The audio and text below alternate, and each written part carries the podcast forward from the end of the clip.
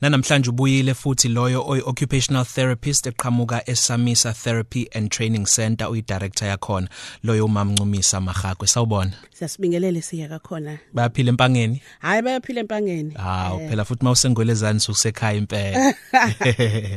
Ngokudlule sakhuluma esakha phezulu nje ngoba maningi ngokuchaza kwakho ama learning disabilities nama learning difficulties.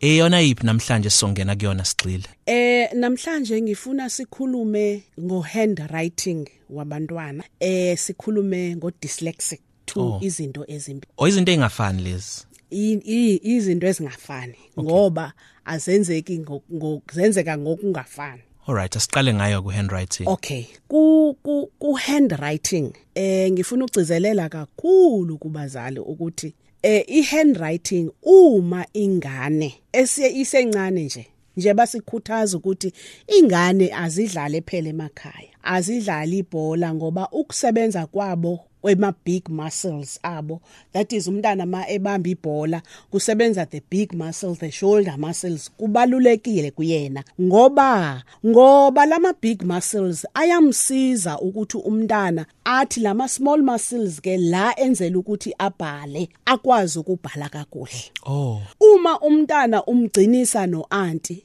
cela uanti mzali ukuthi aphume naye phandle amdlalise ibhola lengane ayinqakise ibhola ayidla amenzisa umdlalo amiyeke adlale ngesene konke umntana ukufunda ngokudlala ngicela ukugcizelela lokho. Aphambe ndizoza esikolweni. Kuye kuthi ke bazali lo mntwana wakho isikhathi esininzi ubuhlala um- um- umdla- umvalele eflatini akadlali nezinye ingane uthi mephuma aphume nawe ayodla out aphinda abuye. Uma esefika esikolweni kufumaniseka into bangaba akakwazi ubamba ipeni kahle njengoba silibamba njengeminwe emithathu. Yena uyibamba ngesandla sonke ipeni iqala lapha into ye handwriting yonke ke lendlela yokubamba ipeni uyifunda umntana ngesikhathi esakhula. Kuye kwenzeka ukuthi manje sekufuneke ebhala igama lakhe aliphendule igama lakhe ngoba akasakwazi nokujika isandla sibhale kahle ngoba ezimuscle azange zafumana itraining zincane. Okwesibini kuyenzeka ukuthi ingane ilimale eh ekulimaleni kwayo sithi hayi u- uphukile okanye wenze njani? Afumane ke usizo. Kodwa yonke into enesandla iyasizana umntana ukuthi uma elimele esandleni uthi make sure because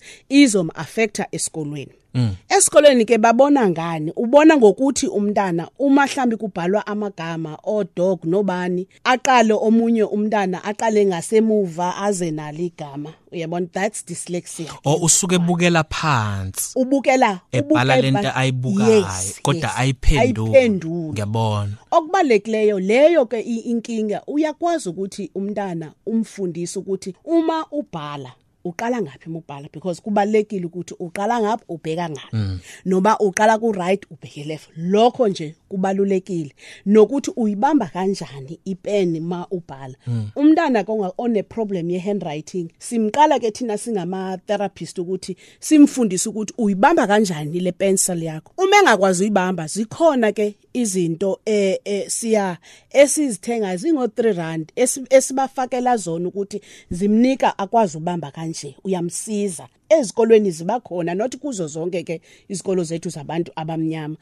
Iyenzela ukuthi isizane naleminwe yakhe yokuthi akwazi ukubamba ipencil. Okunye ke enifuna enifuna ukusho yonke into esiyenzayo esikolweni nje basikhuluma ngo learning iqhamuka from ekhanda. If kune problem ekhanda perceptually sibiza as a perceptual problem lokho iyak affecta nayo uwriting womntwana alright hayi asivele sibambe lapho dyslexia siyowenza ngesonto elizayo asithole imininingwane yakho mhlawumbe i-email address uyenze i-email kancane. address yami ithi ncumisa@samisa.co.za umama Ncumisa ncumisa at samisa therapy.co.za umama Ncumisa Magagwe Magagwe i-occupational therapist yase Samisa Therapy and Training Center. Siyabonga kakhulu.